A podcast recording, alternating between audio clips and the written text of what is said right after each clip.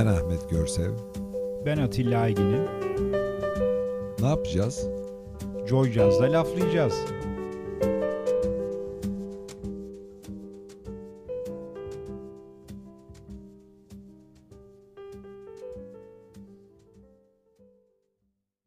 İyi akşamlar. Ee, bu akşamki konuğumuz benim çok eski bir dostum, çok yakın arkadaşım. Ee, sevgili Atilla Kim'i davet ettik. Ee, Reşit Soley abimiz burada. Ee, teşekkür ediyoruz. Kırmadı bizi geldi. Evet bu akşamki konuğumuz Reşit Soley. Ee, Teknik Üniversiteden başlayan hikaye arkasından İtalya'da nasıl köpek bakılarak master yapılır hikayesini dinleyeceğiz. Kendisinden bakalım ilk e, mimarlıktan başlayarak başlayan serüvenin hikayesini dinlemeye başlayalım. Merhaba herkese. Ee, hayat bir serüven.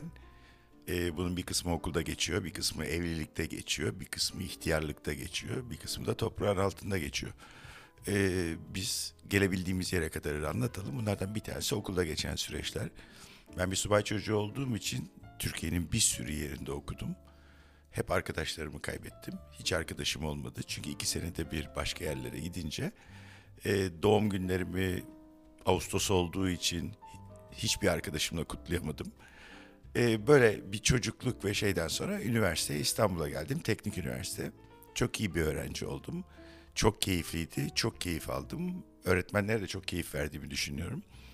E, çünkü hala konuşuyorlar e, sonunda bunun yetmeyeceğini, sınırların Edirne olmayacağını düşününce e, üniversitede para biriktirmeye başladım. E, biriktirdiğim para üniversitenin sonunda 4000 marktı. O zaman mark vardı, şimdi yok. Sıkı para. Evet. e, o 4000 markla e, üniversitenin sonunda İtalya'ya gitmeye karar verdim. İtalya'ya gitmeye karar vermeden e, önce neler yapacağımı düşündüm. Yani daha doğrusu hangi ülkeye gitmem gerektiğini düşündüğümde... Ama dört, bir şey soracağım. Tabii. 4000 mark parayı biriktirmek için sırt çantasında ne olması gerekiyor onu anlat. E, ketçap olması gerekiyor. e, çünkü akşamları öğrenci olarak yediğin kötü yemekleri lezzetlendirebilecek tek şey ketçaptı. Çünkü babamın gönderdiği parayı harcayamıyordum. Geçmiyordu kursağımdan. Onun için kötü yemek yiyordum. Daha doğrusu pilav yiyordum akşamları. Ee, onlar da genellikle bir gün önceden kalan pilavı tekrar pişirdikleri için yarısı kıtır, yarısı yumuşak pilavlardır. Bunlar bilmeyenlere anlatayım. Annelerinizin pişirdiği pilavlar gibi değildir bunlar. Küçük e, sokak arası lokantalarına giderseniz pilav böyle biraz kıtır, biraz yumuşak gelir ağzınıza. Önce ne olduğunu anlamazsınız. O birinciler bir gün önceden kurumuş olan pilavlardır. E, bunları yiyebilmek için de üstüne ketçap taşı koyarsınız. İşte ben 4 yıl boyunca üniversite hayatım boyunca sırtımdaki sarı bir Adidas çantasının içinde Ketçap. ketçap taşıdım. O gün bugün de ketçap yemiyorum zaten artık onu kapattım. E, üniversiteyi bitirdikten sonra İtalya'ya yola çıkmadan önce bir kızla tanıştım. E, kötü bir şey oldu, aşık oldum. Arkasından 60 günde evlendim ve kendimi taşıyamayacak gücüm varken e, yanıma birisini de alıp İtalya'ya öyle yola çıktım. E, aileydik. Bakmamız gerekiyordu bu aileye. Param yoktu. İşte 4000 mark ne kadar da bitirebileceğinizi siz düşünün. E, bir iş buldum. İş çok keyifli bir işti. E, Türkiye Cumhuriyeti'nin verdiği burs kadar para kazanabiliyordum. Hangi Babamdan şehirdeydiniz? Roma'daydım. Roma'daydım. Roma Üniversitesi Mimarlık Fakültesi'nde e, restorasyon, estetik, sanat tarihi böyle karışık bir şeyler okuyordum ve çok temel bir kararla gitmiştim. Hiç elime kalem almayacağım, hiçbir şey çizmeyeceğim iki sene. Sadece düşüneceğim, yazacağım, çizeceğim gibilerinden. E, bulduğum iş çok keyifliydi. Sabah okula gitmeden önce küçücük motosikletime binip bir terastaki akşamdan köpeklerin pisliklerini temizliyordum. Köpekleri güzelce parkta gezdirip motosikletime binip okula gidiyordum. Okuldan çıktığımda köpekler gene terasa pislemiş oluyorlardı. Gidip onlara tekrar yemeklerini verip terası yıkayıp sonra da mutlu aile yuvamıza dönüyorduk. Ee, İtalya'daki okul böyle sürdü. İki sene Roma'da köpeklerle çok haşır neşir bir hayat vardı. Ne, güzel. yapalım? Çok güzel. Evet, e, bu güzel hikaye e, çok sevimli başladı. Melody Gardon'un yeni albümünden dinliyoruz. C'est Magnifique.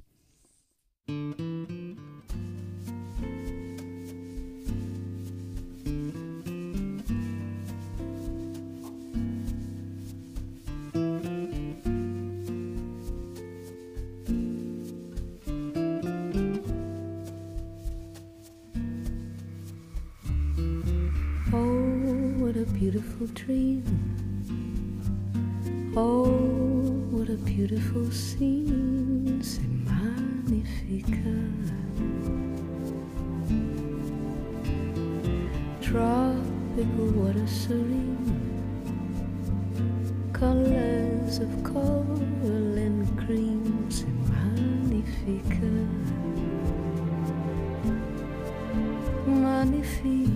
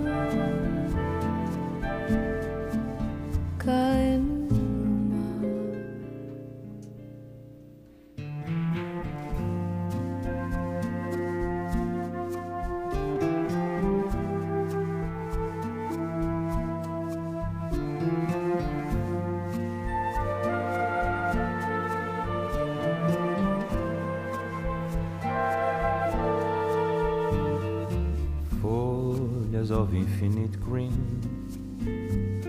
terra de água marinha, c'est magnifique. Dama da noite, jasmim, perfume que mora em mim, c'est magnifique. Magnifique. Mm.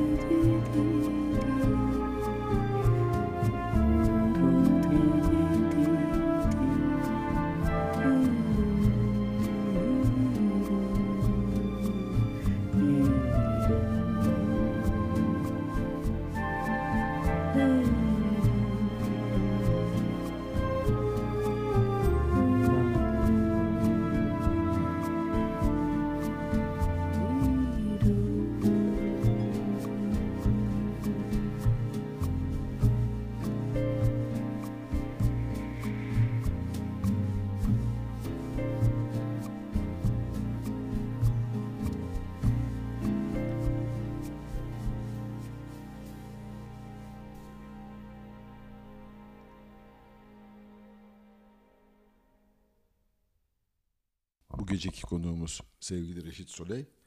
İtalya anılarından sonra İtalya'dan büyük hayallerle dönüyor e, Türkiye'ye. Üniversitede asistan olmak için.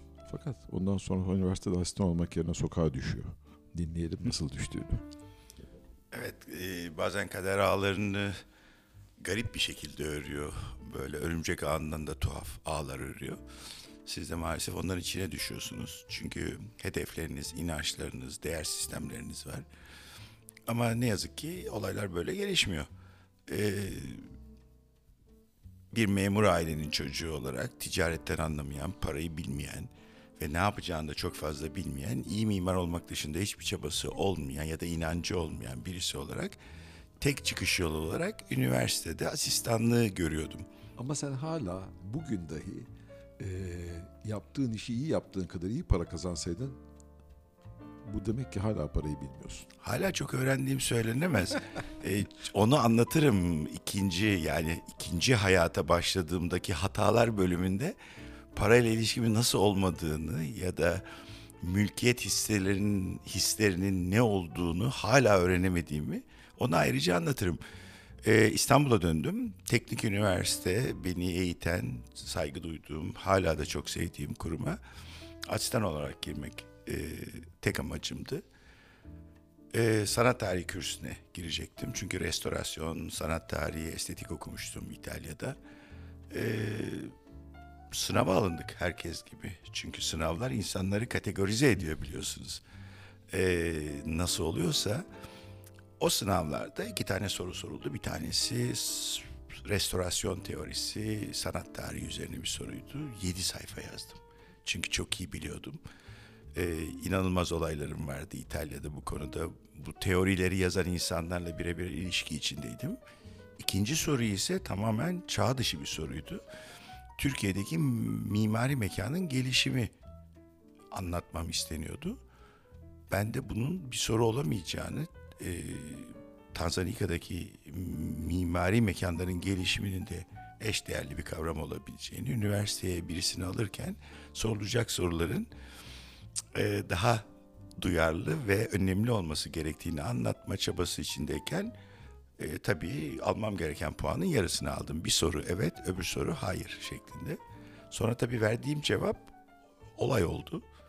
E, sistem kilitlendi. Üniversiteye uzun süre asistan alınamadı. Daha sonra kravatını çok küçük düğümleyen bir arkadaşı üniversiteye asistan olarak aldılar. Onu almadan bir iki ay önce ise ben sokağa döküldüm. E, çünkü evdeydim, evliydim. E, bakmam gereken aile ve sorumluluklar vardı. E, bir anda bir arkadaşımın yol açmasıyla kendimi Arabistan çöllerinde buldum.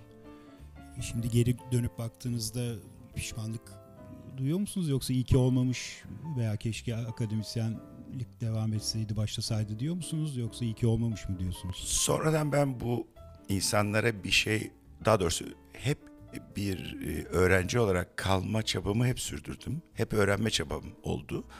Bir müddet sonra da öğretme çabam başladı. Ee, yıllarca üniversitede ders verdim ama bunu sokaktaki başarılı birisi olarak üniversiteye gittim. Onun için e, bir şeyler öğretme hazzını orada tattım. Ama e, ya bu çok zor bir soru.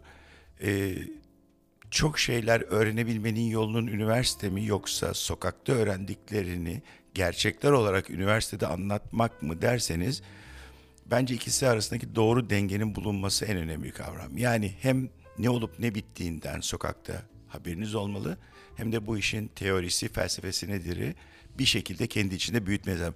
Onun için pişmanlık yok ama sistem daha çok öğretmeme olanak sağlamadı. Çünkü bir yandan para kazanıyordum. e, Başka değer sistemleri içine düşmüştüm. Ama zorluya zorluya e, bazı günler 300-500 kilometre yollar yapıp sadece çocuklara bir ders vermek için e, inanılmaz üniversitelere gittiğimi biliyorum.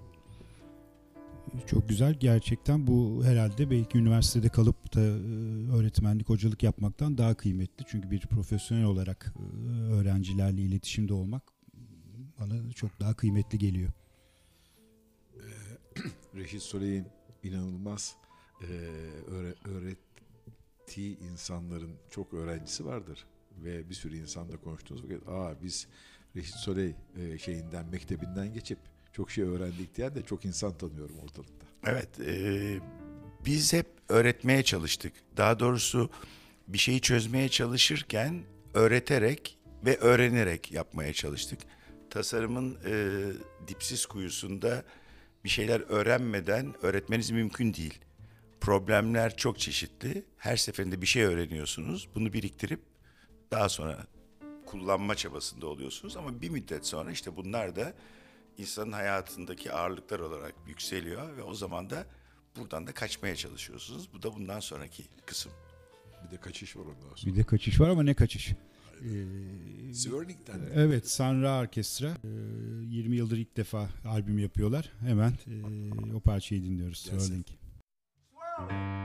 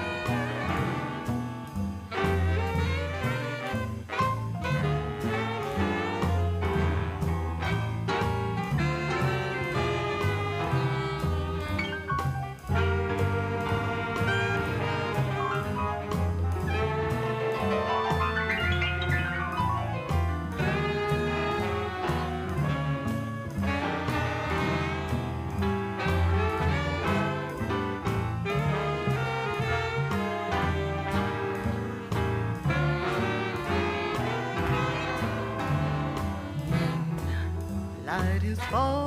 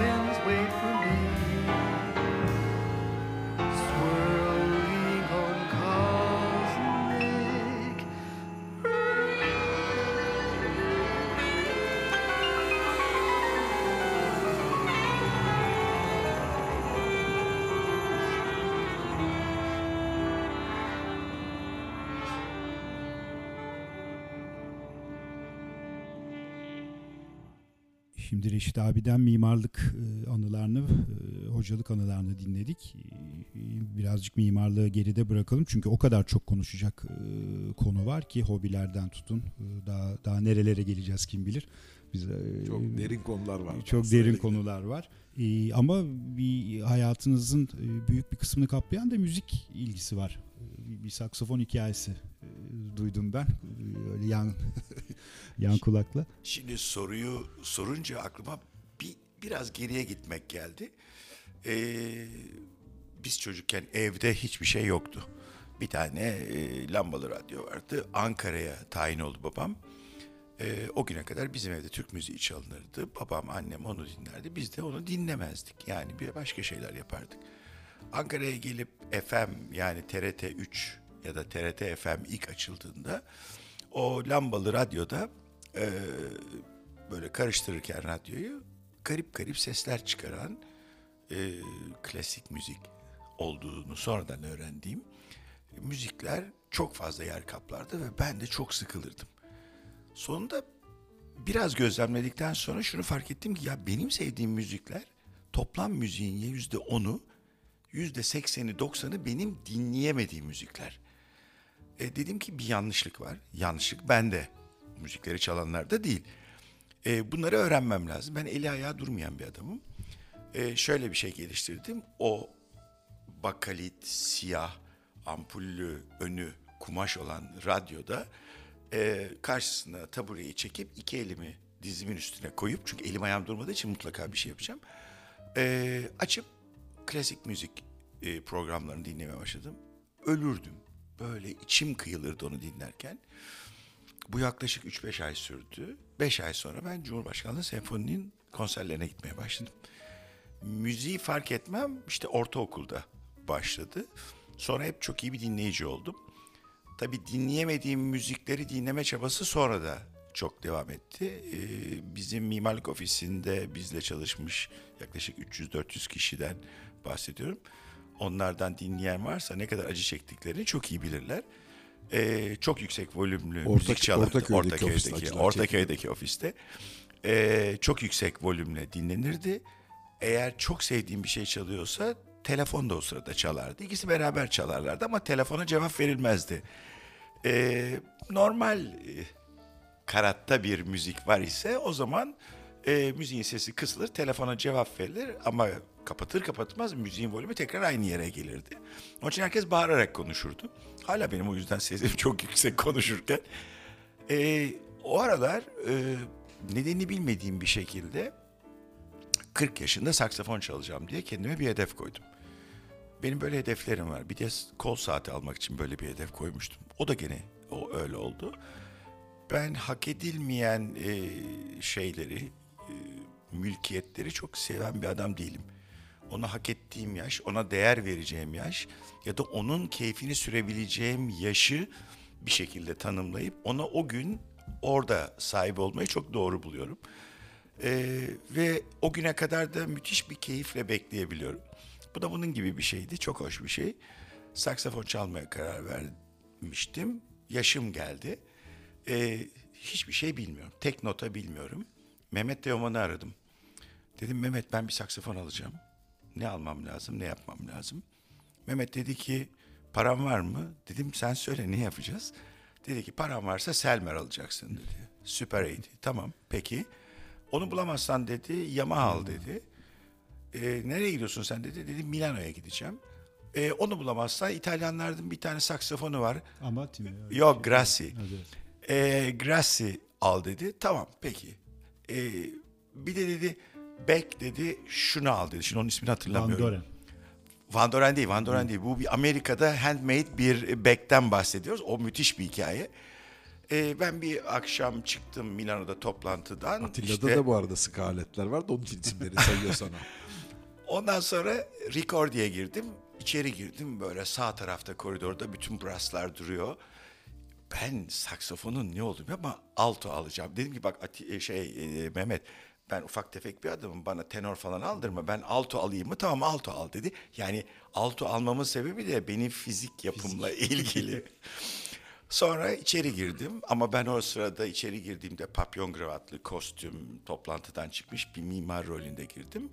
İçerideki İtalyana, İtalyanca e, işte sizde var mı diye sorduğumda Selmer Süper e, 80 tabii var dedi. Aa ne güzel dedim. Adam kutuyu önüme getirdi. Bakın buyurun de, deneyin dedi. Benim deneyebilecek tarafım yok yani. Hayatımda ilk defa bir İyi kutu, müzik aletine iyi bu kutu. kadar yaklaşıyorum. İyi kutu Böyle bir şey bu. Aslana yaklaşmak falan gibi bir şey yani. Her an beni ısırabilir o saksafon. Elimi bile uzatmıyorum. Ee, adama dedim ki e, ben dedim bir de şu bekten istiyorum dedim. Bunlar da Teoman'ın bana yazdırdıkları. Adam ah ah ah dedi. Ne oldu dedim. Biz İtalya'ya o beki getiremiyoruz dedi. Çünkü saksafonla aynı fiyat dedi. Ben şimdi bir anda saksafon kaç paraydı, bu bek kaç para ama kurtuldum yani en azından o bek İtalya'da yok. Size başka bir bek vereyim dedi. Yok dedim üstündeki bekle ben bunu alırım dedim. Akşam otel odasına gittim. Böyle müthiş bir şekilde onu yatağın üzerinde açtım gece 11 yemekten sonra 12. Onu ona taktım, buna buna taktım. Üflemeye çarptım. Pıs pıs diye sesler çıkıyor. Nota falan çıkmıyor. Bir ara honk diye bir ses çıktı. Ha şöyle yaparsam o ses bu ses derken üçüncü honkta zaten yan odadan donk donk donk donk diye duvarı vurdular. Bu benim ilk performansımdı. Ee, sonra e, tuvalette bona okuyarak, nota öğrenerek, daha sonra dersler alarak e, kendimce çok eğlendim. Senin Hala daha- çalıyorum. Senin daha sonra güzel e, performanslar da var Tarabya'daki evde. Tabii tabii. Bir Tarabya'daki bir dönem çok keyifliydi. Kerem Görsev, e, İmer, İmer Demirer, Oğuz, rahmetli Oğuz Durkan. Oğuz, e, kızımın e, akordu bozuk piyanosunda onlar ona göre kendi setuplarını yapıp e, müzikler yaparlardı. E, Kerem'in, e, Ahmet'in oğlunun Can'ın küçük klavyesinde bize 3 saat müzik çaldığı Bozcaada akşamları var. Gerçekten gece saat 11'de e, bir şarkı istendi Kerem'den. Kerem onu çaldı. Hadi bir daha çal, bir daha çal dediğimizde sabah dört olduydu. Klavye sadece bir oktavdı. 40 santim. 40 santim. 40 olmayabilir bile. Ee, müzik hala öyle devam ediyor. Sonra çok ciddi bir plak ve, ve CD koleksiyonuna dönüştü. Hala da dinleniyor. Zaman zaman müzik tipleri değişiyor. Ama bu aralar onu da söyledim. Ee, piyanoyu ör, keşfetmeye çalışıyorum. Piyanodaki seslerin ilişkilerini bulmaya çalışıyorum. Ee, Can'ın e, klavyesinden biraz daha büyük bir klavye benim olan A'ya alındı. A'ya çok fazla ilgilenmiyor. Ee, ben biraz oynuyorum. Ee, ama müzik bence e, insanın kendini var olduğunu hissedebilmesi ve ne olduğunu anlayabilmesi için en önemli şeylerden bir tanesi. Yakın durmak gerekiyor müziğe. Çok hoş. Reşit abi de hikayeler bitmez. Ee, biz hemen bir parça arası verelim. Vereceğiz Sonra hızla daha. devam edelim. Daha, daha bu başlangıcı ne kadar gideceğiz belli değil. belli değil, Son- bakalım. Sonu belli değil Evet. bu programın. ee, Espen Eriksen Trio'dan dinleyelim. Evet Norveçli gruptan Dancing Demons. Thank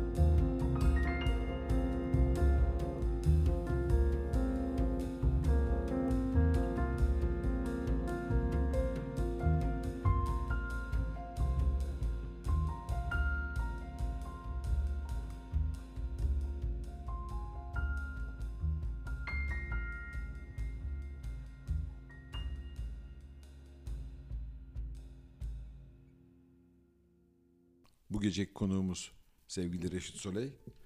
Hani bazı insanlar için derler on parmağında on marifet. Biz de buraya genelde hep on parmağında on marifet olanları çağırıyoruz değil mi Atilla? Ee, öyle yapıyoruz ama bu sefer biraz O- onu da 11, açtık. 11-12 oldu. 11-12 oldu yani birkaç hayat e, yaşanmış gibi ben algılıyorum. Daha da var gibi sanki. Hepsini sığdıracağız şimdi yavaş yavaş.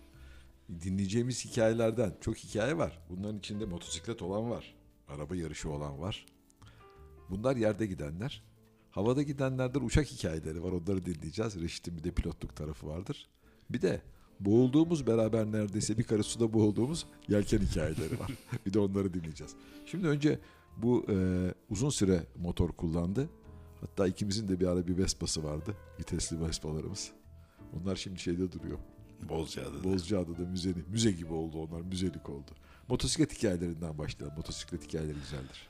Şimdi e, yaşamanın temel e, değerleri üzerinden yola çıkmak lazım. E, yemek yemek, mülkiyetler, e, başarılar bunlar bir yere kadar insanı besleyen şeyler ama bir de insanın tek başına kaldığı, kendisininle baş başa olduğu, bir şeylere karşı koyduğu anlar bence onun hayatındaki en önemli e, ve en lezzetli renkler. E, rengin lezzetlisi de bugün çıktı onu da şimdi söyledim ne demekse. E, Ona dönüp bakacağız. ona dönüp bakmak lazım. Lezzetli renk ne demekmiş? Bir, hoş bir kavram. Şimdi rüzgarı sevmek lazım. Rüzgar hız demek. İster karşıdan gelsin, ister arkadan gelsin.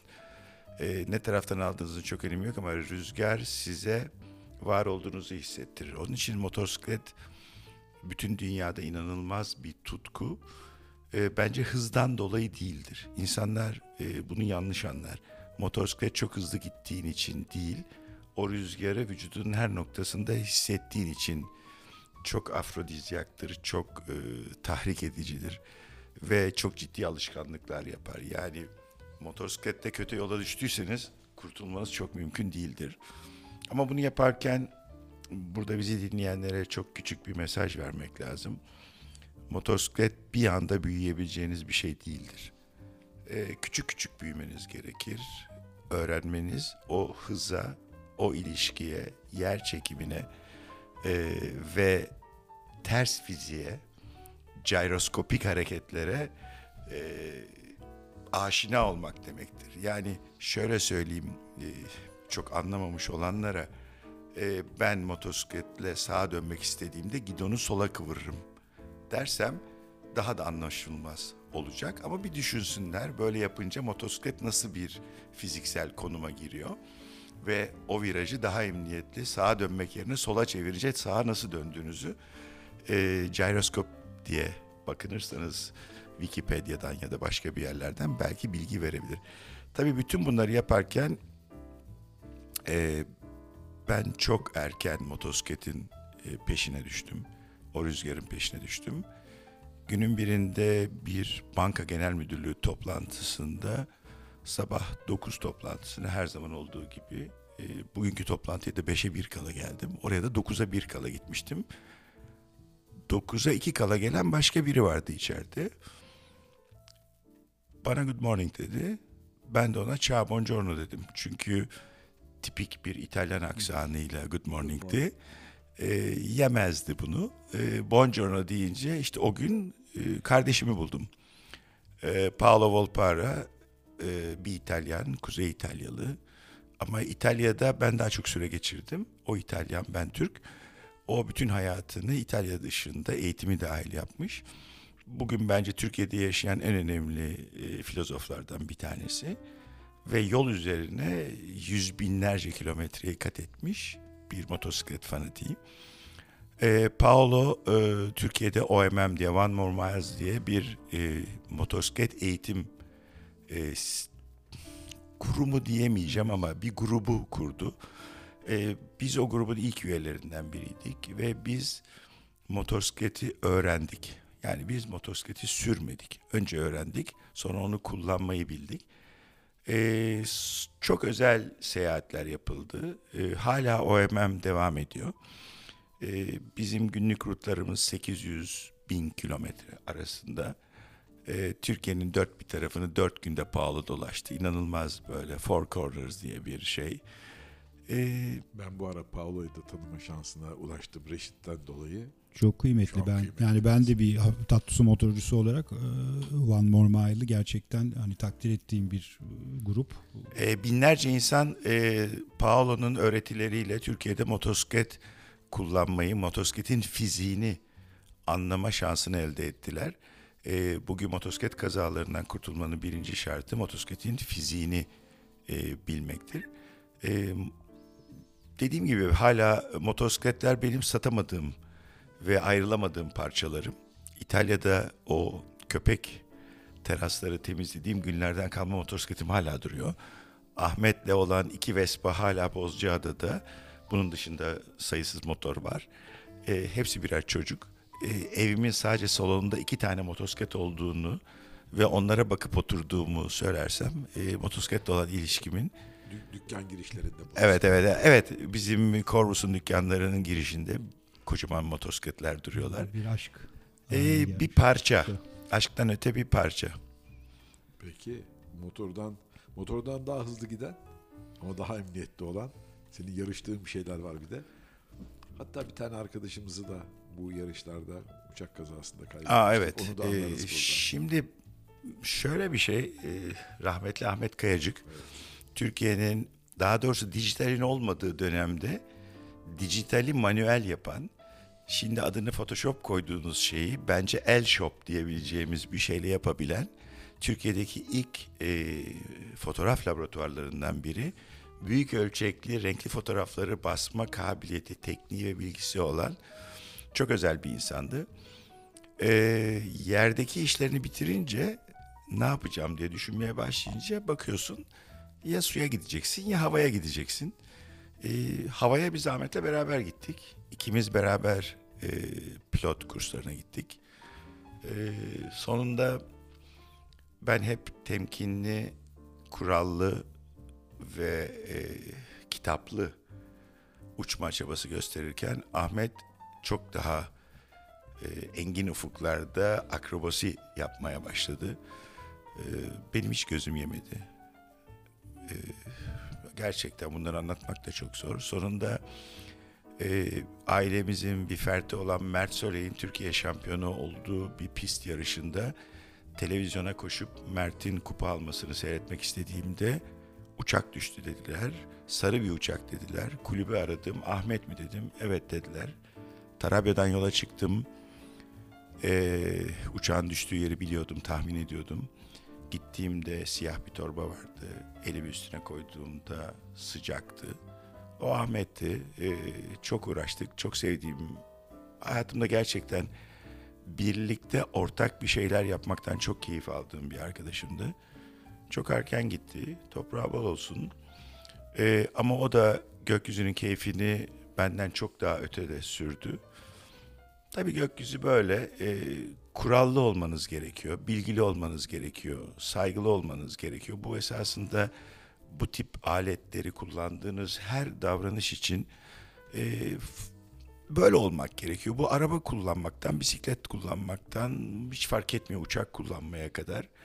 E, maalesef bunların dışına çıkanlar e, sistemin dışına çıkıyorlar. Çok acı. Ahmet yitirdiğimiz bir değerle, değerdi.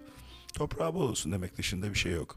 Araba yarışları onlara hiç değinmeden atladın Ee, yukarıya. araba yarışları Direkt şöyle çok arkadaşım vardı bu işle ilgili.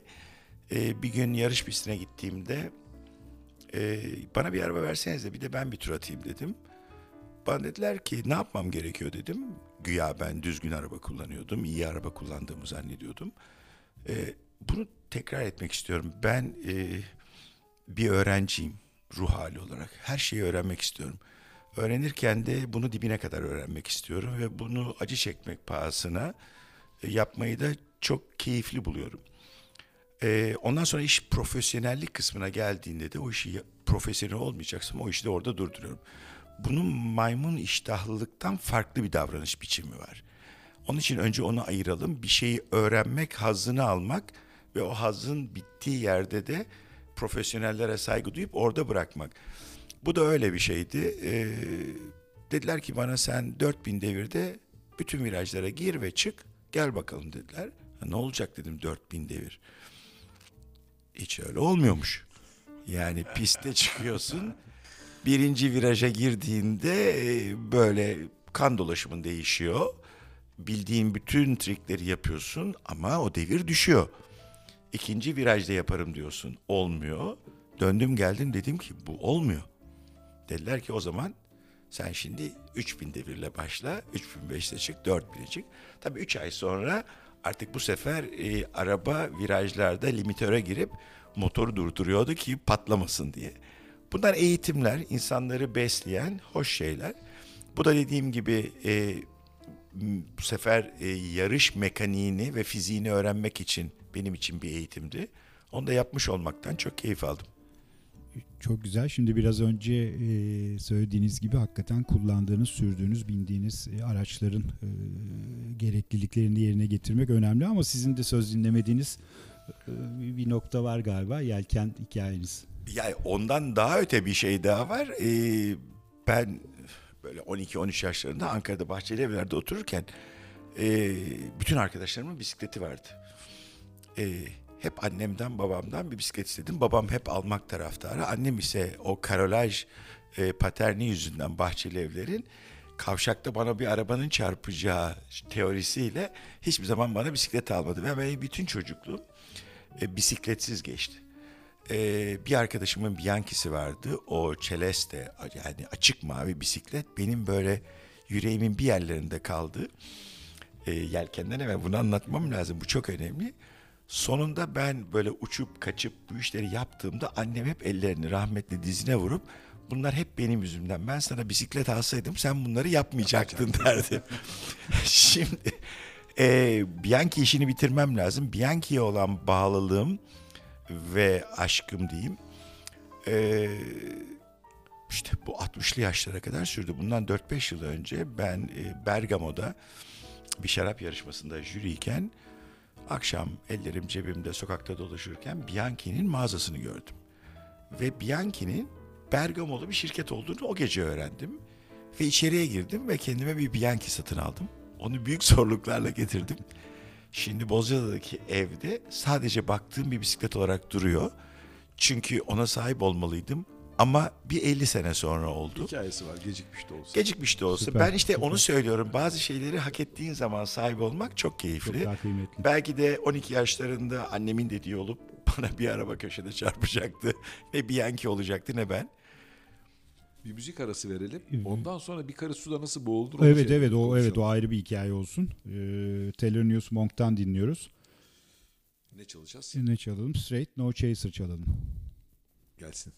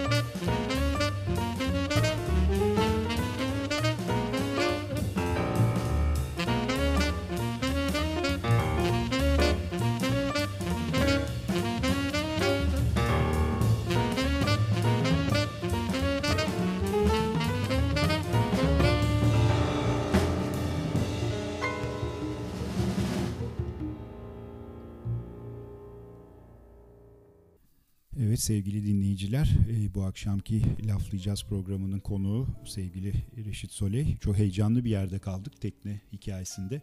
E, Şimdi onu dinleyelim isterseniz. Ee, yıllar önceydi. Ee, küçük bir yelkenlim vardı. Ee, bir hafta sonu Ahmet Görsev'le e, gidelim kafa dinleyelim dedik. Ee, kış günüydü. Hmm, Ya Aralık, Ocak o şeylerde. Göce'ye gittik. Uçaktan indik. Tekneye e, işte hazırlıklarını yapmaya başladığımızda inanılmaz bir fırtına koptu. E, göz gözü görmüyor. İnanılmaz. E, limandan çıkmaya çalıştığımızda dediler ki liman başkanlığından izin almanız lazım. Çünkü bu fırtınada hiçbir teknenin dışarı çıkmasına izin vermiyoruz. Biz hafta sonu için gelmişiz. Karada olmak istememişiz. Liman başkanlığına gittik. Dedi ki çıkmayın. Fırtına var. E, dedik ya biz çıkmak istiyoruz. O zaman bir kağıt imzalayacaksınız dedi. Biz işte bütün sorumluluğu üstüne aldığımız neye güvenerek olduğunu hala bilmediğim Gözü Ee, kara sorun. Ee, o kağıdı imzaladık ve tekneyi palamarla çözdük, motoru çalıştırdık. Ama rüzgar o kadar çok esiyor ki yelken falan açmayalım dedik. Hemen Göcek'te e, şeyden marinadan çıktıktan sonra karşıda bir ada var. O adanın da tam ortasında havuz gibi böyle göl gibi bir e, yer var. Adanın adını şimdi unuttum. Bilenler e, gülecektir. E, biz limandan çıkar çıkmaz tekne sağa yattı. Hiçbir sebep yok. Rüzgar o kadar güçlüydü ki teknenin yan bordosu ve direğin yüzeyiyle biz bayağı yelkenle, ana yelkenle yatmış e, böyle orsada giden tekne misali gitmeye başladık ama ürkütücüydü. Kendimizi o küçücük havuz gibi koyun içine attık ve orada demirledik. Tek arzumuz işte oturup orada akşam muhabbet edip e, yanımızda getirdiğimiz nevaleyle keyiflenmek. Fakat işler öyle olmadı. Arkasından yağmur, gök gürültüleri, Şimşek. şimşekler Bir anda hava. ama şey gibi yani filmlerdeki evet. senaryolar gibi. Ee, ve biz orada tek direk olarak hangi şimşek bizim direğe gelecek diye onları saymaya başladık. O korkuyla e, uyumaya çalıştık. Gece yarısı daha büyük seslerle şey yaptık. Çünkü tekne o küçücük havuzun içinde tarıyordu. Nasıl olduğunu anlamadığım bir şekilde. Ve biz gece yarısı e, çapayı çekip tekrar yeni pozisyon alıp tekrar çapaya atıp ondan sonra tekrar tekneyi bağlamaya çalışarak sabah ettik. Ee, anlayacağınız biz yaklaşık o e, havuz gibi yerin derinliği bir buçuk iki metre. Biz Ahmet'le beraber ikimiz o bir buçuk metre yerde boğulacaktık ya da tekneden e, ricat edecektik öyle derler değil mi? Çünkü sabah orası göl gibiydi. Çıt yok. Teknenin üzerinde ikimiz de dı- dışarıda uyuyoruz. Reşit Soleil'le. Güm güm güm bir ses. Uyandım ne oluyor diye. Meğerse bir tane palmiye kopmuş. Teknenin yanında vuruyor böyle. Hepsi öyle uyandık yani. Burada bir macera almış evet. Hoş. Yani tekne, uçak, e, motosiklet, saksafon falan bunların hepsinin haricinde böyle Reşit'in peşinde koştuğu de böyle biraz daha kişisel hobileri ve zevkleri var. Evet. Bunlardan bir tanesi de onu yakinen tanıyanlar bilir. Koluna dikkat ederler, bakarlar her seferinde inanılmaz inanılmaz design böyle seçilmiş güzel saatler vardır kolunda. Bir saat hikayesi var. Ee, var iki tane saat hikayesi var. Şimdi aklıma geldi soruyu sorunca. Bir tane saat hikayesi gerçekten çok önemli. Ben daha önce de söyledim programın başında. Bazı şeyleri hak ettiğim zamanlarda, yaşta ve değer sistemi içinde sahip olmayı çok seviyorum. Ee, gördüğüm bir saat vardı. Breitling. Ee, bir kadranda 24 saati gösteriyordu. Yani herkesin 12'si en üstteyken bu saatin 12'si e, altının yerinde ve aşağıyı gösteriyordu. Özellikle pilotlar için 1930'larda tasarlanmış bir saatti. Ya bu saati ben 45 yaşlarında falan almalıyım diye kendime böyle bir şey söyledim. Tabii böyle şeyleri söylüyorsunuz sonra da unutuyorsunuz. Sonra e, Asizi'de bir arkadaşımın evine gittik. Oradaki yan köylerden birine öğlen yemeğe gittiğimizde meydanda yürürken bir dükkan gördüm. Bir saatçi dükkanı. Küçücük. Genişliği 2 metre. Bir kapı var. Bir de 80 santim civarında bir vitrini var. Ne var diye saatleri sevdiğim için e, gidip baktığımda Breitling'in 24 saati gösteren tek saat, vitrindeki tek saat olarak o duruyordu. E, gene yukarıya doğru baktım. Yukarıdaki gene bana sürprizler hazırlıyordu. Çünkü benim yukarıdakiyle aram çok iyi. Ben neyi ne kadar isteyeceğini çok bilen biriyim. Ya da öyle olduğumu zannediyorum. E, zamansız hiçbir şey istemiyorum. E, boyumdan büyük hiçbir şey istemiyorum. Sonunda kapıyı açıp içeri girdim. İçeride hala gözümün önünde tombik 70'li yaşlarında bembeyaz saçlı bir satıcı vardı. Buongiorno, buongiorno. Ben vitrindeki saati alabilir miyim dedim. Adam bana baktı. O saat pahalı dedi. Ben bakabilir miyim dedim. Adam saati çıkardı. Evet istediğim saatti. Ee, hangi yıldayız diye düşündüm. Yaşımla hesaplayınca 46'yı buldum. Bir sene gecikme vardı. Ee, o zamanlar kredi kartları bugünkü kadar çok ve çok kullanılır değildi. Tek Ee, kredi kartı tek kredi kartı vardı. American Express. Ee, American Express'imi çıkardım ve e, adama dedim ki lütfen buradan çeker misiniz? O zamanlar böyle post makineleri de yoktu, elektronik de yoktu. Bu slipler üç kağıt üst üste bir garip masaya, maka, şeye, mekanizmaya oturtulur. Bir ileri bir geri yapılır ve kredi kartının üzerindeki o rakamlar bayağı baskı gibi, daktilo gibi e, diğer kağıtların üzerine çıkardı. Bunları anlatınca çok yaşlı olduğumu düşünmeyin. Yani 64 yaşındayım. Bu söylediğimde yaklaşık 20 sene öncesi, 25 sene öncesi daha fazla değil yani. Ee, Şeyin faksın olduğu zaman faks bile Tabii faksın, telexin olduğu, Telexin tabii olduğu, onları fax başka bir programda anlatalım. Ee, hayır, başka bir programda fax, telex, ilk Macintosh'lar, e, ilk daktilo, e, en iyi tasarım daktilo, Cep va- yani telefonundan Valentino, bağlama. cep telefonu, ilk Kablo. araba telefonu. E, bunları mesela bir gün e, digital Teknoloji gru- programı teknoloji yapalım. programı yapılabilir. Daha doğrusu dijital arkeoloji programı yapabiliriz bir gün. Sınıf çekildi. Ee, adama dedim ki bu kartı alın. Ee, lütfen parasını çekin ve slibin üstünü kapatın. Sadece imzalayacağım yeri bana açık bırakın. Adam hala anlamadı. Ee, işte elinle kapattı. O zamanlar onun üzerine mürekkepli kalemle imza atardınız. O da alttaki kağıda geçerdi. Ve sonra dedim ki iki silibi yani bana vereceğiniz silibi de yırtın atın. Kutuyu pakete aldım, koluma taktım saati. 46 yaşındaydım. Ee, hala kaç paraya aldığımı bilmiyorum. Ee, öğrenmek de istemedim. Çünkü o benim için sahip olmam gereken belli bir yaşta belli bir değer sisteminde sahip olmam gereken bir şeydi. Hala duruyor. Ama şu anda ne takıyorum? Swatch takıyorum. Ee, niye? Çünkü yeni yaptığım iş artık o saatleri kullanmama izin vermiyor.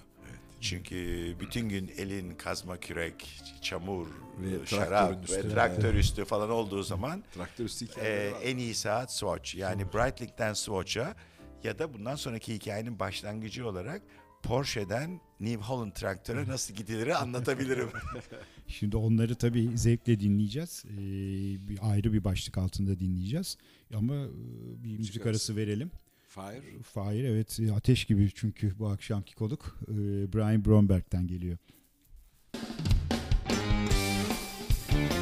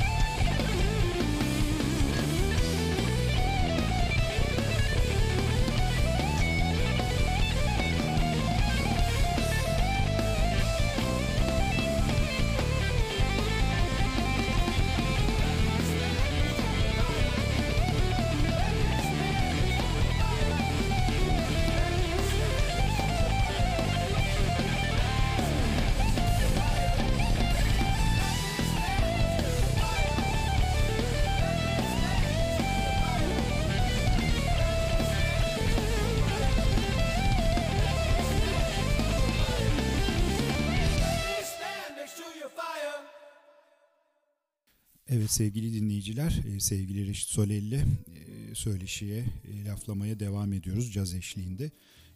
Şimdi güzel maceralar dinledik. Ben daha önemli yani kendimce daha önemli gördüğüm konulara da birazcık geçmek istiyorum. Çünkü Reşit abinin 2002 yılına kadar bambaşka bir çok farklı bir hayatı var. 2002'den sonra sanki ikinci hayat diyebileceğimiz bir hayat başlıyor. E, Nerede başlıyor, nasıl başlıyor, niye başlıyor? E, Birazcık onları dinleyelim. Şimdi e, hayat çok kısa.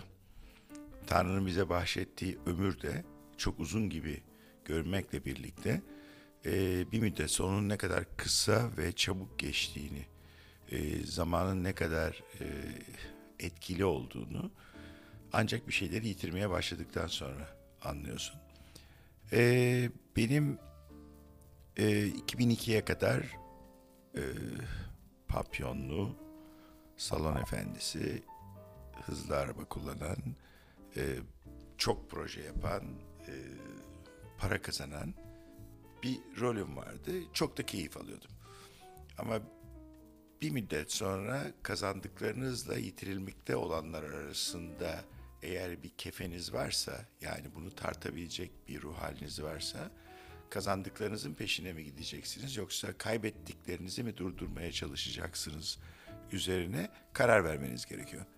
Bir sürü insan kazandıklarının üstüne hayatlarını bina etmeyi e, commodity ya da kolaylıklar, Kolay hoşluklar, seçim. kolay seçimler, alışkanlıklar, Vazgeçememek. vazgeçememek gibi kavramlar adı altında bunu seçiyorlar.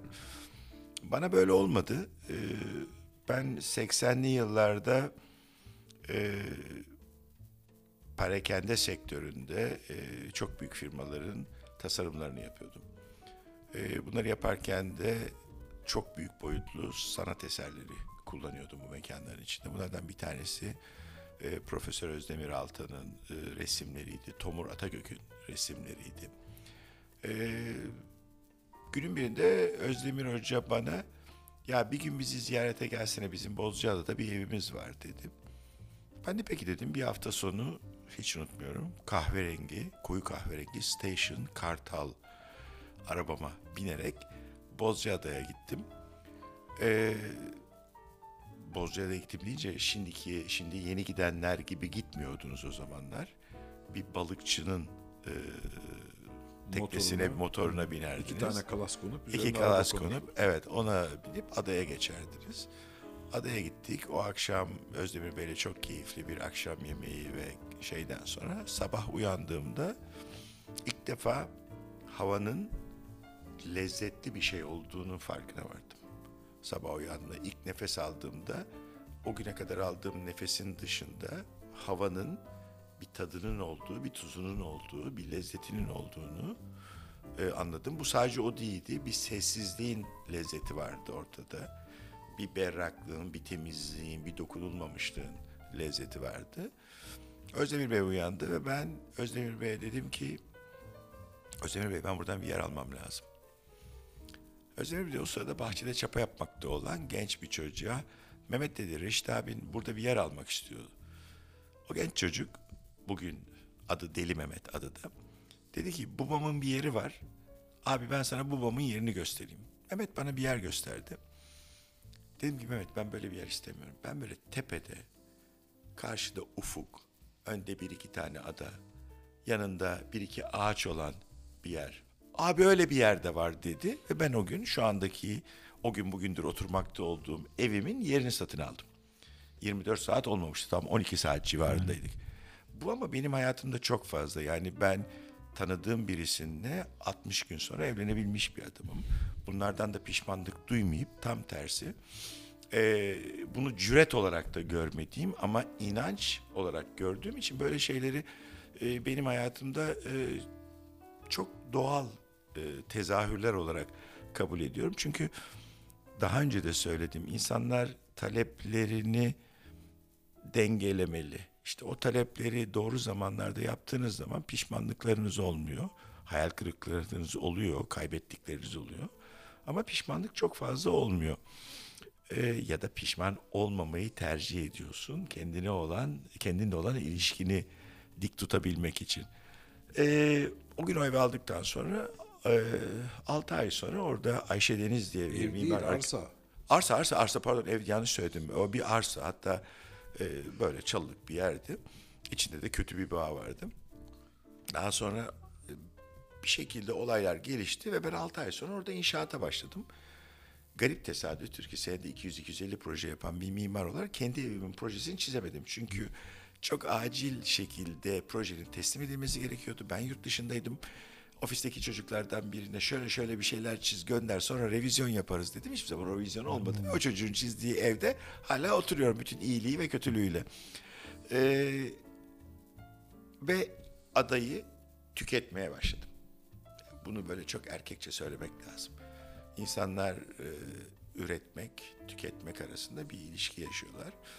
Böyle e, dokunulmamış yerlere gittiğiniz zaman tüketmeye başlıyorsunuz. Alışkanlıklarınızı oraya götürüyorsunuz. Pisliklerinizi oraya götürüyorsunuz. Kötü düşüncelerinizi ya da e, başkalaşmış davranışlarınızı oraya götürüyorsunuz. Orada böyle bir savaş başlıyor o dokunulmamış yerle sizin aranızda. Bazen siz kazanıyorsunuz, siz gibi olmaya devam ediyorsunuz çok haklı olmadan. Bazen de o doğa, o dokunulmamazlık sizi alıyor, adam ediyor. Ee, bu yaklaşık 15 yıl sürdü.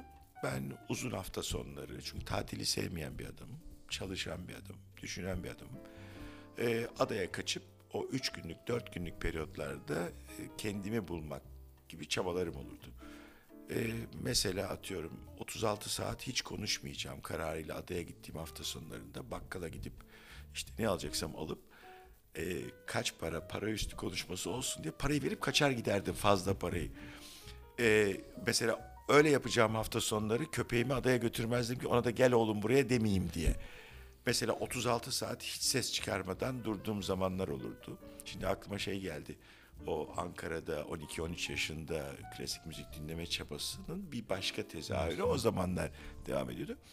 Neyse kısa yoldan evin önünde o zamanlar adadaki en önemli çiftçilerden biri olan Ahmet'in eski kayınpederi rahmetli Hayati Talay. Hayati amca gel şu bağa bak. Çünkü ben hayatımda saksısı olmamış bir adamım. Ee, gerçekten e, ve benim mimarlık hayatımda da e, kendimle ilgili bir düsturum vardı. Ben binanın içinin bana, binanın dışının Tanrı'ya ait olduğunu kendime e, şey etmiştim. Ve binanın içinde yapabileceğim en iyilerini e, yapma çabası gösterirdim. E, dışarıdaki doğaya da müthiş saygılı davranırdım. Ama içeriye bir saksı getirilmesini de her zaman reddettim. Çünkü o saksının yeri binanın içi değil. E, bahçe ya da başka bir yerde onun hür olduğu, doğayla, güneşle ilişkisinin olduğu bir yerde. Onun için benim yaptığım binalardaki genel müdür sekreterleriyle inanılmaz tartışmalar olmuştur. Onlara hediye gelen o saksıları, şeyleri asansöre koyup zemin kat düğmesine basar, toplantıya girerdim. Kıyamet kopardı. Ee, şöyle gelişti. 15 yıl boyunca Bağ dikti. Hayati amca evin önündeki bağla ilgilendi, onu budadı. Arada bir bana da anlat derdim. Bak böyle yapacaksın derdi budamayı. Şimdi o ilginç bir hikaye. Yani anlattıklarınızın o kadar felsefi boyutları var ki şaraba veya bağa geçiş de büyük ihtimalle bunlarla bağlantılı olsa gerek. Yani öyle bir Aynen öyle. Orada bir erozyon ve o erozyonun e, verdiği acıyı anlatmam gerekiyor. Onun için bu girizgah böyle.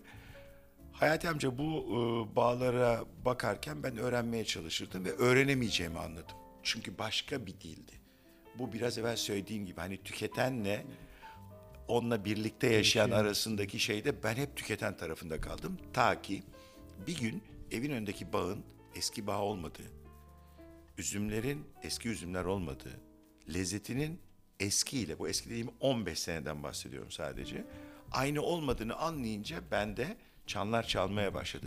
Bir gariplik vardı, bir şeyler değişiyordu. Ee, mimarların çok önemli bir özelliği vardır. Mimarlık analitik düşünmeyi gerekli kılar. Siz önce ben 10 katlı bir bina yapacağım dersiniz. Sonra bunu parçalarına ayırırsınız. Musluktan, yerdeki parkeden, e, badananın rengine kadar parçalar ayırırsınız. Sonra bunların hepsini bir araya getirir. O binayı şey yaparsınız. Bu bir davranış biçimidir mimarın. Onun için parçalara ayırmak, analiz etmek, sonra toplamak. E, bu problem rahatsız etmeye başlayınca ben adada ne oluyor? Yani değişen nedir ki benim bağımdaki üzüm eski lezzetinde değil kendime sorduğumda çok ciddi bir erozyonu e, fark ettim. Bu erozyon 300 yıldır devam ediyordu, 500 yıldır devam ediyordu. Ekonomik, adalı olmak çok zor bir kavramdır. Ekonomik problemler, sosyolojik problemler, e, dini problemler, e, bu inanılmaz bir şey. Yani adada e, her şey sonunda adanın geleneksel tarımını ve onun ürünlerini e, törpülüyordu. Ne yapılabilirdi? Çok basit bir şey. E, ben lafla peynir gemisi yürümeyeceğine çok inanan bir insanım. Yani bence çok küçük örnekler insanlara kocaman nutuklardan çok daha fazla şeyler öğretiyor. E, küçük bir proje yapmaya karar verdim e, dünyadaki bu işi iyi yapan ülkelerdeki bağcıların, şarapçıların neler yaptığını e, öğrenip onlar gibi bir şey yapıp örnek olma çabasıydı proje ve öyle bir projeyle e, yeni bir yola çıkmak gerekiyordu. İşte orada esas dilemma başlıyor. E, bütün yaklaşık 20 yıl boyunca büyüttüğünüz mimari ofis, onun kalitesi, önünde kuyruk olmuş olan müşteriler ve onlardan gelecek olan gelir, şan, şöhret, bütün bunların ve bir tarafta Ve, çok ve bir de bunların çok enteresan bir tarafı ben biliyorum. Ve bunlar en tepe noktadayken bırakıp gitti. Hani işler kötü olur da ben iş değiştireyim diye bir durum yoktu yani o değil. zaman. Bizim e, yapacağımız işe saygı duyup ona saygılı davranmanın tek şartının onunla beraber bir arada olmak kararını aldığımız yıl bizim en çok e, proje yaptığımız, en çok para kazandığımız, en çok insanın çalıştığı yıldı bizde.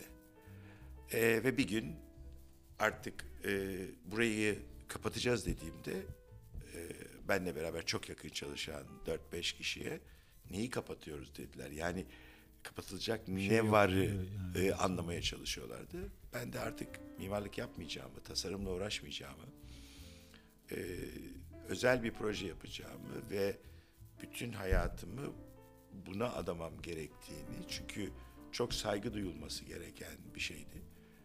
Bakın esas olan olay neydi biliyor musunuz? Ne yaptığım değil. Bozcaada'nın 3000 yıllık tarihinde sadece tek bir ürün var, üzüm. Ee, ve bunun üzerine bina edilmiş bir kültür. O kültürün yarattığı bir e, kazanç mekanizması, bir ürün e, silsilesi var. E, bir kültürü bina etmek için onlarca jenerasyonun çok inançlı bir şekilde üstünde çalışması gerekiyor. Ama sadece iki jenerasyon bu kültürü takip etmediği anda o onlarca yüzyıllar boyunca yaptığınız kültür bir anda eriyip gidiyor. İşte ben o erimekte olan kültürün son demlerinde bu kararı aldım. Onun için e, yaptığımız iş bir hovardalık, bir çılgınlık, e, işini bırakıp hadi bir de şunu yapalım gibi bir maymun iştahlılık kesinlikle olmayıp çok inandığım bir kültüre katma değeri nasıl yapabiliriz? Ama çok basitti. Dünyada bu işten para kazanan, e, katma değer yaratan, e, ülkelerdeki insanların yaptığının benzerlerini yapıp Bozcaada'ya e, ya bu işi böyle yaparsanız yitirmekte olduğunuz kültürü tekrar geri sarma şansınız varı kendi adıma söylemek istiyordum. Bütün olay bu kadar basitti. Bunu yaparken de e, o dönemlerde çıkmış bir kitap vardı. Ferrari'sini satan Bilge diye. Onun ne yaptığını bilmem ama ben ne yaptığımı söyleyeyim. E, Bir Porsche'dan zamanlar- kaç tane traktör alınır? Evet yani e, Papyon, Porsche arasında gidip gelen bir ruh halindeki bir adam olarak ilk olarak arabanı satıp o arabanın parasıyla iki tane New Holland traktör alarak saatte 200 kilometreyle araba rejisi yapmak yerine tarlada saatte 8 kilometreyle e, çift sürmeye başlamak herhalde bir ikinci hayatın en radikal değişiklikleri. Kararıdır. Çok Bir radikal. parça daha dinleyeceğiz şimdi. Dinleyelim. Acıklı bir dinlemeden- parça. dinlemeden evvel bu akşamki bütün parçaları sevgili Atilla seçti. Ee, ayrıca ona çok teşekkür ederiz. Hepsi onun kendi Biz seçimleri. teşekkür ederiz sevgili dinleyicilere. Ee, kalabalık bir ekip e, ama kıymetli bir ekip. Joshua Redmond, Brian Blade, Brett Meldau ve Christian McBride'den Right Back Round Again.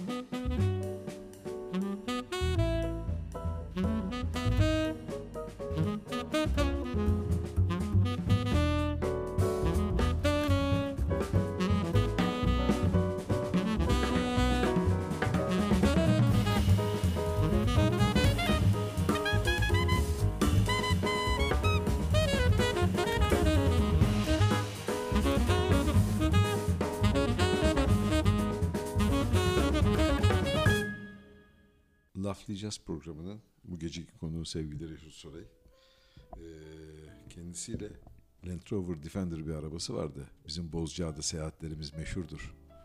70 kilometre maksimum sürat. Yokuş yukarı çıkarken 50 kilometreyle gidersen kamyonlar sollar seni. Bozcaada'ya ineriz. Bozcaada'da iki şey vardır indiğin vakit. Bir rüzgar, bir kargalar. Korvus. Korvus'un hikayesi böyle başlar. Zaten eee, ne derler? Kılavuzu karga olanın burnu boktan çıkmazmış. Reşit söyledi. Kendi kendine karganın peşinden gitti bakalım. Evet, k- karganın peşinden gittiğimiz hala bizim packaginglerin arkasında küçük bir hikaye olarak yazıyor. Eee, enteresan, hayatta bazı şeyler bazen istemli bazen istemsiz başınıza geliyor. Adanın eee, yitirilmekte olan değerlerini toparlamak için yola çıktığımızda çok basit bir proje olacaktı. Eee, çok küçük miktarda eee, bağ yapılacak. Yaklaşık 20 dönüm civarında bir bağ yapılacak. Ama dünyada bu işi iyi yapanlar nasıl yapıyorsa onların kalitesinde yapılacak. Ama benim saksım yok bugüne kadar biliyorsunuz. Ee, ve ben tekrar o böyle sonsuz öğrenci kavramım altında okumaya başladım. Bir sene içinde yaklaşık e, adedini bilmediğim e, sayıda e, zirai kitap okumaya başladım agronomi üzerine e, toprak, toprak analizleri, klonlar, klon seleksiyonları, şarapa nereden, ne hangi yoldan gidersen neler olur falan gibilerinden. Sonunda e, o 20 dönüm bağ yapabilmek için e, adadaki yerel e, arazi satımıyla uğraşan arkadaşlara gidip bana yaklaşık 20 dönüm şu klasmanla bakın ben o zamana kadar adada yaklaşık 20 sene gittim geldim sadece bir evim oldu. Hiç başka bir mülkiyet hissim de olmadı. Çünkü ben o ev ve o adanın başka değerlerini tüketiyordum diyeyim. Hala onu öyle söylemek hoşuma gidiyor. Çünkü gerçekten bir şey üretmediğiniz zaman bilin ki tüketiyorsunuzdur. Onun için üreten insanlara çok saygım var. Ee, yerinde duranlara da çok fazla yok.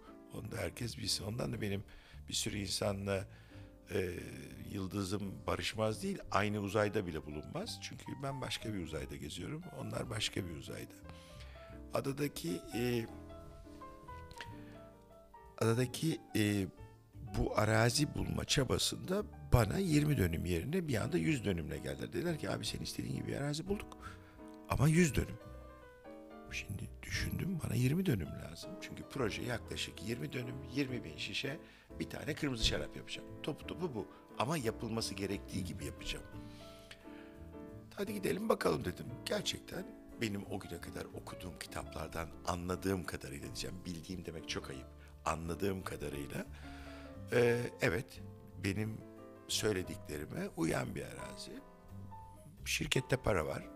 Arazide alınabilir fiyatlarda. E tamam yani 20 yerine 100 dönüm bir yer alalım. Çok fark yok arasında. Çok fark yok. Yani bir sıfır fark var sadece. 20 dönüm yerine 100 dönüm. Ee, o sırada oraya aldık. Ee, adaya ilk defa dozer geldi. Ve arazinin çalışmalarına kitaplarda yine okuduğum gibi traktörlerle değil dozerlerle çok derin e, toprak işleyerek çalışmalar başlatıldı. İnanılmaz taşlar, taş dağlarım oldu bir anda böyle toparlayıp. Ee, bütün bunları yaparken bir yandan da bu yüz dönümü ne yapacağım diye düşünmeye başlıyordum. Ben yüz dönümün derdinle uğraşırken birileri gelip abi kızım evleniyor senin arazinin yanında bir yer var bunu alır mısın dediğinde peki hadi onu da alayım diyor. Biz, biz bir sene bir buçuk sene içinde böyle 200 dönüme çıktık. Şimdi bu sefer iş onla çarpılmış hale geldi. Yani 20 dönüm yerine 200 dönüm. Dedim ki yani bunu ben 50 dönümünü ekeyim. Çünkü e, dikeyim. Bak hala ekiyorum diyorum. 20 sene geçti. Bağ dikilir, arpa ekilir. Ekilir. Bunu herkes bilsin. Ee, bağ dikmek için 50 dönüm ve ilk defa o saksısı olmamış bir adamın e, bağları ilk sene yeşermeye başladığındaki hazzı size anlatmam mümkün değil. Doğanın gücü, o böyle e, diktiğinizde kahverengi bir sopa kadar olan bağ çubuğunun bahardaki o çıkan yaprakları e, inanılmaz bir şey. Fakat başka bir şey daha doğurdu. O 200 dönüm arazi içinde 50 dönüm ki benim yapmam gereken iki katı peçete kadar kaldı. Şimdi diyorum ki Reşit bu araziyi insanlar görüyor. Şu kadarını dikmiş bu adam. Bu olmaz deyip seneye geri kalanını da dikmeye karar verdim. Ve kötü yola böyle düşülüyor. Bir anda.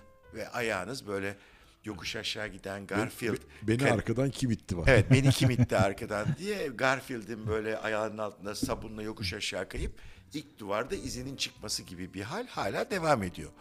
Yani izim duvarda duruyor. Ben yere böyle süpürge gibi düştüm ama Tişörtlerin üzerinde el izleri el vardı. izleri aynen öyle. Sonunda ikinci sene geri kalan kısımda e, dikildi. Bu arada bütün bu kararları sadece ve sadece ben alıyorum. E, hayatımın yatırımını yapıyorum. Kazandığım bütün parayı e, buraya yatırıyorum. Toprağa. Toprağa yatırıyorum. Çok hoş bir hikaye var. Bir gün gümrükçü bizim üzüm e, çubuklarının ithalatında e, Fransa'dan gelen çubukları ithal eden gümrükçü.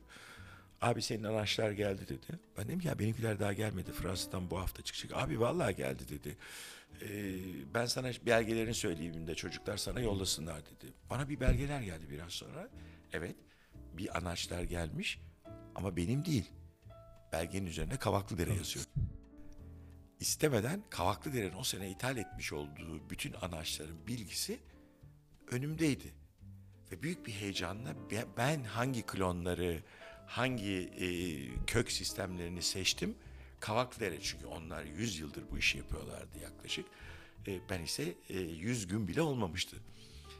E, hayatımın en büyük e, şaşkınlıkları ve hüsranlarından bir tanesi o andır benim seçtiğim anaçlar ve klonlarla Kavaklıdere'nin seçtikleri arasında benzerlik bile yoktu. Dedim ki Reşit tamam yani sen öğrenci öğren öğren ama e, Karga. Karga. yani karga, Karga işte kılavuz. orada Gaga'nın ilk battığı yeri o gün anladım. Ama öyle olmadığını da 10 yıl sonra anladım. Çünkü Corvus'un Corvus olmasındaki en önemli karakterlerden bir tanesi ise o bizim çok ekstremlerde seçmiş olduğumuz anaçlar ve klonlardı. Hatta klonlardan bir tanesine şöyle diyordu. E, 10114 klonun adını da söyleyeyim. Meraklısı açsın baksın. Ya bunu kullanmayın. Bu dünyanın en baş belası klonlarından bir tanesidir. Ee, hastalığa dayanıksızdır, rüzgara dayanıksızdır, kuraklığa dayanıksızlıktır, dayanıksızdır. Çok az verim verir ama şimdi buraya kadar kaçmanız için bütün sebepler var. Ama Ama Verdi de mi tam verir. ama bunu yetiştirmeyi becerebilirseniz çok özel şaraplarınızın olacağı kesin. E ona yola çıkıldı. Şimdi e, eğer bir işe 47 yaşında başlıyorsanız bu 20 yaşında hayata atılmaktan çok daha farklı bir şey. 20 yaşında sıfırdan başlıyorsunuz. 47 yaşında bir işe başladığınızda ya da ikinci bir hayat yola çık ciddi bir işe başladığınızda, inançlı bir işe başladığınızda. Çünkü inancın olmadığı yerde hedef yok. Yani hedef koyabilirsiniz, inancınız yoksa varacağınız yer başka bir şeydir. Ee, o zaman sıfırın altında başlıyorsunuz ve çekeceğiniz acı çok daha fazla oluyor. Bu deprem e, ölçeklerinde gibi 6.9 ile 7 arasında neredeyse 2 misli var. 7 ile 7 2.2 arasında belki 5 misli fark gibi. Bu böyle aynen o skalada bir acı çekme e, şeyi. E, buradan başlandı. E, daha sonra e, işin zirai tarafını toparladığını düşünüyorsun. Ee, ama bir bakıyorsun ki kullandığın zirai aletler seni kesmiyor. Çünkü 25 yıl her sabah bir şeyleri tasarlamak için yola çıkmışsın. Ee, aletlere bakıyorsun 100 yıldır kullanılıyor ama istediğin alet bu değil. Toprağın altında uğraşmak istiyorsun. Bu sefer aletleri tasarlamaya başlıyorsun. Kendine göre ekipmanlar yapıyorsun. E, bu oyun böyle e, yaklaşık 20 yıldır hala sürüyor. E, daha sonra işin yapım aşamasına geçtiğinde işte orada elleri kaldırıyorsun. Ben, arada bazen bu oyuna şahit oluyorum. Bir gün Bozcaada'ya gittim. Soley dedim neredesin telefon açtım. Ben dedi bilmem hangi tarlada traktörün üzerindeyim dedi. Vallahi benim vaktim yok dedim. Beraber çıktık traktörün üzerinde. Sesimiz kısıldı bağıra bağıra konuşmaktan. Kıçımın kemikleri birbirine girdi. Oğlum inelim öyle konuşalım bari diyorum. Yok diyor bu tarlayı benden daha iyi süren kimse yok diyor. Olduğu gün aşağı ineceğim diyor. E, bunlar gerçekten yaşandı. Ben şimdi Ahmet anlatınca hatırladım. Gerçekten e, o tarlanın bitmesi gerekiyordu. Çünkü yağmur gelecekti. Benim o işi... Şimdi bakın e, doğayla iş yapmaya başladığınız zaman patron başka biri. Siz orada staffsınız. Ama işin sahibi sizseniz bir yandan da patronsunuz. O zaman kim patron, kim işçiyi çok iyi doğru zamanlarda ayırmanız gerekiyor. Yani şu anda da Bozcaada'da koyunlar için getirdiğim özel girelim. koyunlar başka bir konu. O çok seksi bir konu. Bundan sonra Ee, Bir getirdiğimiz buğdayları normalde hep 10 Kasım'ın e, öncesi çok hoş bir yağmur gelirdi ve biz de buğdaylarımızı ekerdik. Bu sene öyle olmadı mesela. Şimdi patron ne zaman karar verecek Bozcaada'ya yağmur ama biz hazırız. O yağmuru getireceğiz, biz toprağı hazırlayacağız, hemen buğdaylarımızı ekeceğiz. İstiyorsan sen bir müzik çal. Çok güzel evet. Ornette Coleman'dan gelsin bu sefer. Una muy bonita.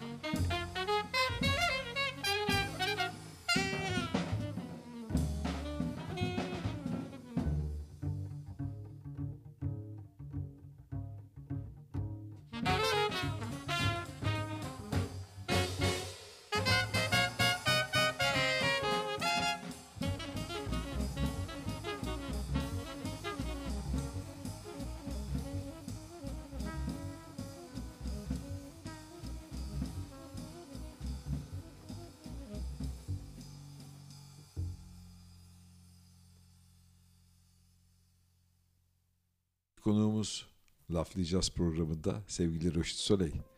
Acayip keyifli sohbetler ettik. Bu sohbetin sonu gelmez. Yani nerede bitireceğimizi bilemiyoruz. Zaman da sınırı var. Ee, çok doğru ama biz Reşit abiden bir söz almak istiyoruz. İleriki günlerde e, tekrar konuk olup e, laflayacağız e, dinleyicilerine e, bu güzel hikayeleri anlatmaya e, devam ederse e, çok çok mutlu olacağız. Eminim ki tüm dinleyiciler de aynı fikirdedir. Ee, şimdi e, Bozcaada'dan ilk turistik gittiğinde Bozcaada'dan beslendi. Bozcaada'dan çok şey aldı. Her giden bir şey alıyor ama kimse geriye bir şey bırakmıyor. Soley bütün bu aldıklarımı acaba adaya geri de nasıl tekrar bırakırım, arkamda neler bırakırım diye çaba sarf etti. Bu çabanın hikayesi var.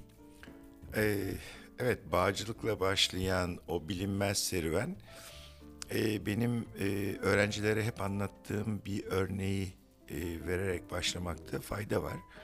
E, ben tasarım öğrencilerine daima e, ufka kadar tasarım yapmalarını değil, ufkun arkasında gidilemeyen yerlere araçlarını tasarlamalarını ve ufkun arkası için bir şeyler yapmalarını öğretme çabasını çok gösterdim.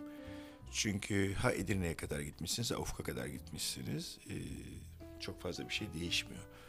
Esas hikaye Ufk'un arkasına gidecek yolculukları tasarlamak, sizi götürecek araçları, çünkü o araçlar yok. O sadece sizin araçlarınız. Onları tasarlamak ve ondan sonra Ufk'un arkasında o sonsuz düşünce sisteminde bir şeyleri kalıcı kılmak. Ee, benim Bozcaada hikayem gerçekten Ufk'un arkasına yapılan e, yolculuklardan bir tanesiydi. Bu yolculuklar keyif verici yolculuklar değildir. Acı çekilen yolculuklardır. E, keyfini ancak sonuçlarını başkalarında gördüğünüzde ektiğiniz tohumların e, başka taraflarda yeşerdiğini gördüğünüzde olabilir. Bu da çok uzun süreler. Tanrı izin verirse onları görmeyi çok isterim. E, çok şey e, ektiğimi düşünüyorum. E, bir kısmını görmeye başladım. Ama e, çaba sadece bir kere yapmakla olmuyor. Sürekli kılmak, e, bunu bir yaşam biçimine ya da bir değer sistemine oturtmak ise e, çok özel çabalar gerektiriyor. Bakın mesela ne yaptık? E, iyi şaraba giden yoldaki bütün oyunları e, çok e, dikkatli oynadık ve iyi şarap yaptık. Herkesin altın madalya aldığında çok hoşlaştı e, bugünlerin Türkiye'sinde. Biz e, 8-10 tane çok özel yarışmanın birincisi olduk. Yani bir yarışmada altın madalya kazanmak başka bir kavram. 5000 kırmızı şarabın olduğu bir yarışmada birinci olmak başka bir kavram. E, e, iyi şarap yapma misyonunu hala devam ettiriyor. O bizim artık kendi içimizdeki bir alışkanlık, bir kültüre dönüştü.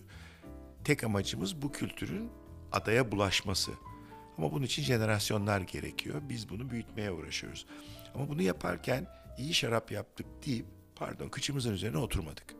Bakın neler yaptık. Bir tanesi mesela bağlarda e, ziraatle uğraşanlar çok iyi bilir. Kış otu denen, bahar otu denen kavramlar vardı. Bu doğanın kendi gücünün ürettiği, genellikle sizin ürünlerinize zarar veren e, başka tohumların devreye girmesidir. E, kış otlarını mekanik yollarla, kimyasal yollarla, e, başka yollarla yok etmek için dünyada bir sürü ekipman ve teknikler var. Biz e, bağlarımızda bunları yok etmek için önce keçi beslemeye başladık. Keçiler çok üredi ve baş edemez hale gelince keçileri sattık. Sonra daha munis, kafalarını daha az kaldıran, daha az zarar veren bildiğimiz e, yerli koyunlardan e, bağları aldık ve bunlar bizim çim biçme makinelerimiz gibi bağlardaki kış otlarını ve bahar otlarını yemeye başladılar.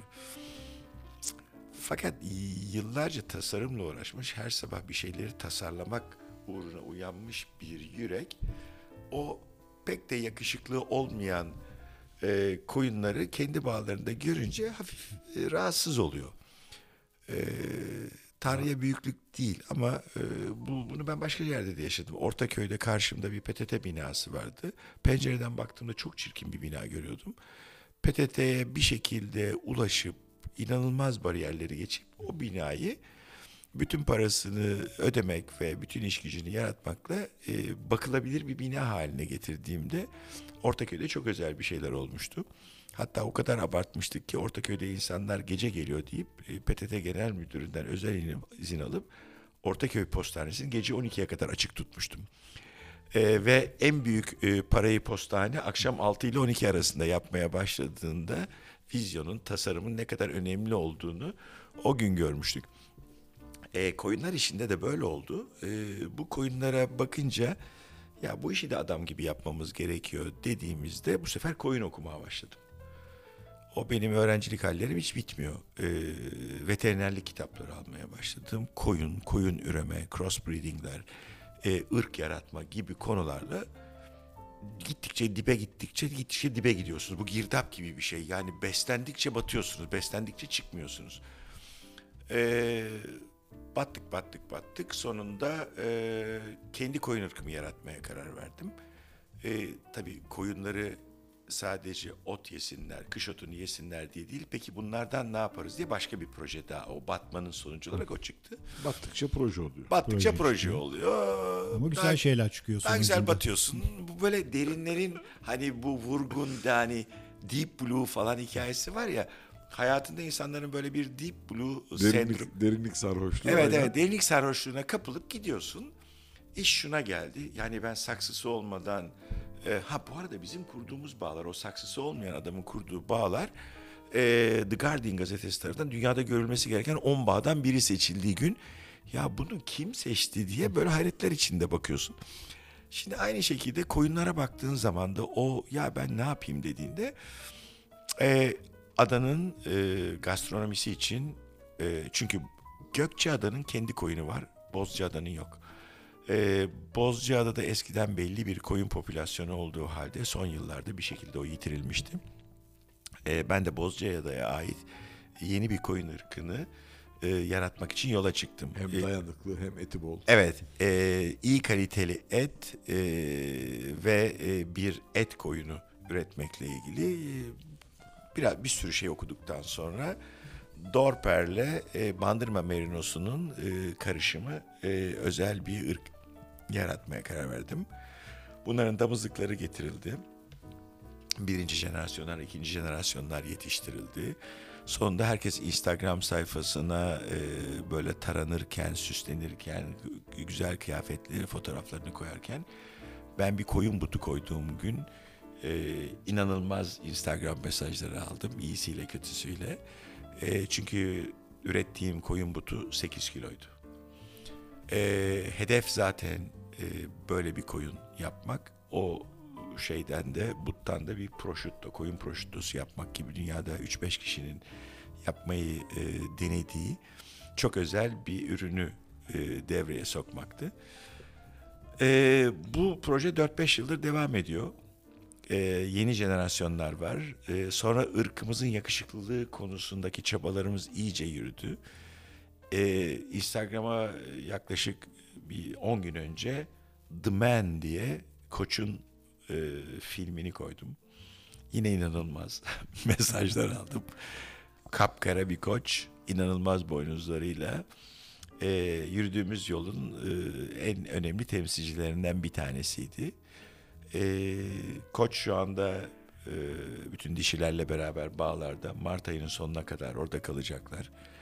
E, baharda yavrularımızı alacağız. Yeni bir jenerasyon içinden seleksiyonlar yapılacak. Bu böyle devam ediyor. E, bu dediğim gibi derinlik sarhoşluğunun bir e, yolu. E, bunu yaparken başka bir kavram çıktı. Bu koyunları beslemek için e, yeni bir proje yaratıldı. E, şaraphanenin e, üzümlerin preslenmesinden çıkan e, cibirgelerinin e, yeniden fermente edilip karbondioksit altında paketlenip e, bir koyun yemine dönüştürülmesini e, sağladım. İçinde inanılmaz e, besin maddeleri olan Buğday falan var içinde. Tabii tabii her şey var içinde. İnanılmaz besin maddeleri olan. Bugün sizin e, Nestle'den aldığınız adını Nesfit verdiğiniz ve küçücük bir paketine e, kaç para verdiğinizi bilmiyorum çünkü ben onları yemiyorum. Ama onlardan çok daha lezzetlileri benim koyunlarım yiyor. Ve bol bol yiyorlar. E, siz küçük bir paketi açıyorsunuz ve yiyorsunuz. Ben çuvalla onların önüne döküyorum. E, tabii koyun sırf bununla beslemek mümkün değildi. Bunların buğdaya ve e, samana da ihtiyaçları vardı. O zaman e, Anadolu'daki buğdaylardan kendimize bir seleksiyon yapıp kavılcayı ve kara kılçığı adaya getirip bunu hiç ekilmemiş topraklarda temizledik. E, bugün e, bazı geceler bizim evde bir buğday risotto pişerken koyunlar da aynı buğdayı yiyorlar. İkimiz aynı şeyi yiyoruz. E, bunları anlatırken komik geliyor. Yani e, gerçekten bazı geceler koyunlarımızla aynı yemeği onlar sofrada, onlar yemliklerinde e, yiyorlar. Bütün bunların sonunda e, proje başka bir yere tetiklendi. Ya Korvus'u bir sıfır atığa dönüştürebilir miyiz diye. Bugün ona gelmiş vaziyetteyiz. İnanılmaz büyüklükte e, kompost çukurlarımız var. Bağlardaki bütün budadığımız her türlü şeyi bu kompost çukurlarında komposta çeviriyoruz. E, bizim e, şişelemede kullandığımız şişelerin aralarındaki kartonları bu çukurlarda sellozları tekrar karbon olduğu için oralarda kullanıyoruz.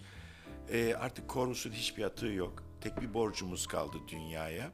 O da kullandığımız enerji.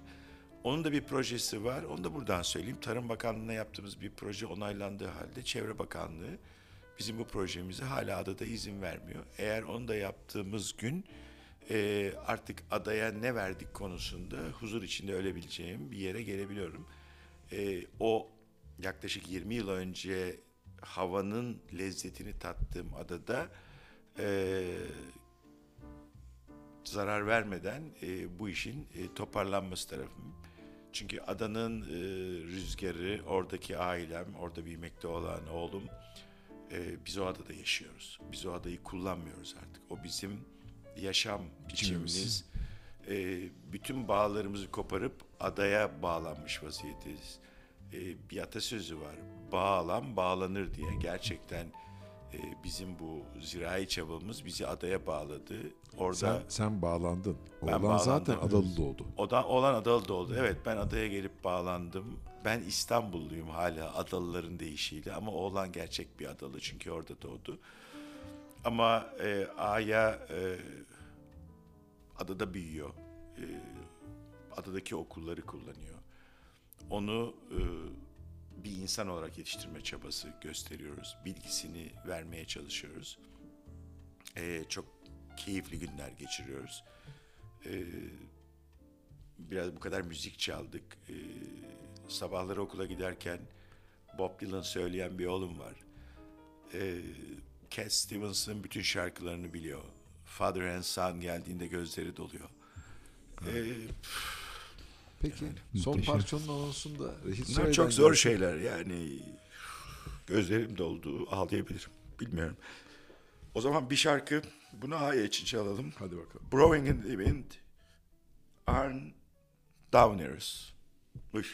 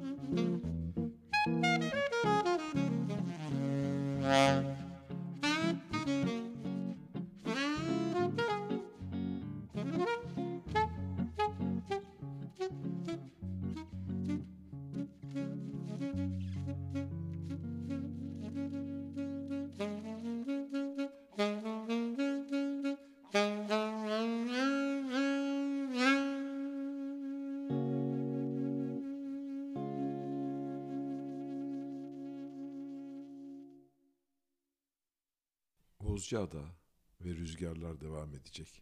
Sevgili Reşit Soley, kalktın adadan İstanbul'a kadar geldin.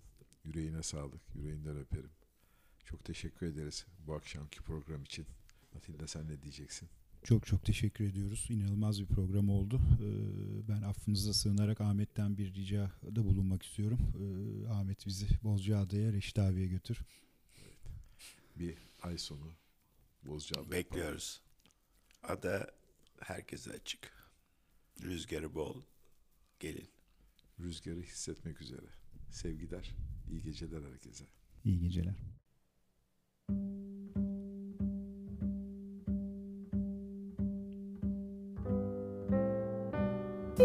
Ben Ahmet Görsev. Ben Atilla Aygin'im. Ne yapacağız? Joy Jazz'da laflayacağız.